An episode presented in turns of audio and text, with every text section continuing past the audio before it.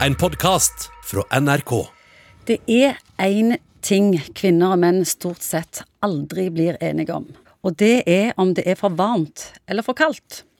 Temperaturen i stua eller på arbeidsplassen er en typisk snakkes. Så Morten Munkvik, har du vært involvert i en sånn samtale? Det hørtes kjent ut. Hva har du observert? Det er vel stort sett sånn at jeg trenger mindre varme i rommet for å føle at det, det er OK, enn eh, hvis det kvinner gjør. Og sånn har alle menn det. Eh, Stort sett på gruppenivå, ja, så er det sånn at menn trenger mindre temperatur for velbehag i kroppen enn kvinner gjør. Og det, det vet man egentlig ikke helt hvorfor. Det bare er sånn at eh, kvinner har et lavere temperatursettpunkt enn menn. Hva påvirker hvor varme og kalde vi føler oss? Ja, det er jo mange ting som kan påvirke det. F.eks. hvor mye polstring man har på kroppen.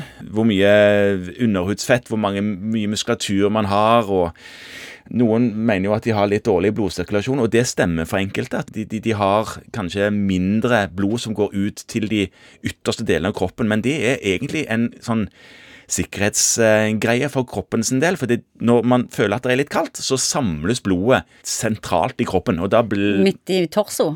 midt i torso. Eh, midt, midt, i, midt, i, central mass, som det heter i kriminalbøkene. Og da går det mindre blod ut til armer og bein. Og da føler man at man blir kald på ekstremitetene. Hvorfor har kjernetemperaturen i kroppen vår sunket siden 1800-tallet? Har vi? Ja. Sunket, altså? Ja, jeg tror de hadde så mye infeksjoner. ja, Snittet var høyere fordi man var stort sett syk? Ja. ja.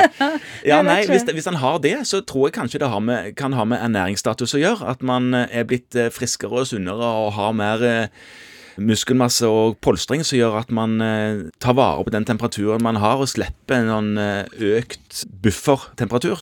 Gamle folk fryser òg lett. Hva handler det om?